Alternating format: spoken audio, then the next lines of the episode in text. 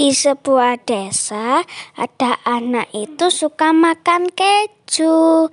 Ibunya selalu memba membelikan keju yang rasanya paling enak lah, kayak keju yang beneran.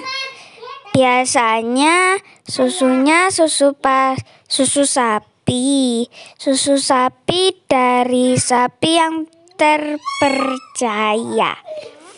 Mereka sudah sering membeli keju jenis itu.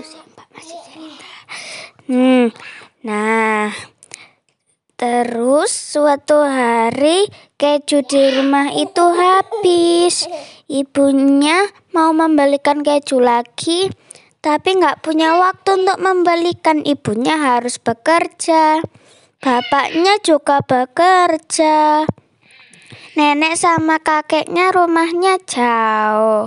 Jadinya anaknya menemukan sebuah keju di dalam kulkas. Dia menemukan keju itu pas mamanya barusan pulang.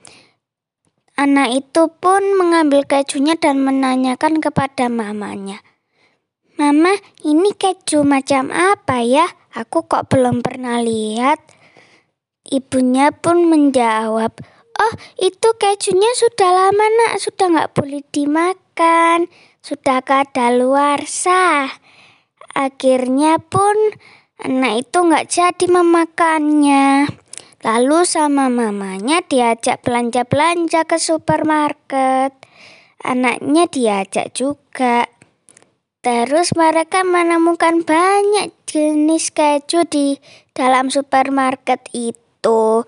Mereka tidak menemukan keju langganan mereka, tapi anak itu menemukan keju yang cukup bagus.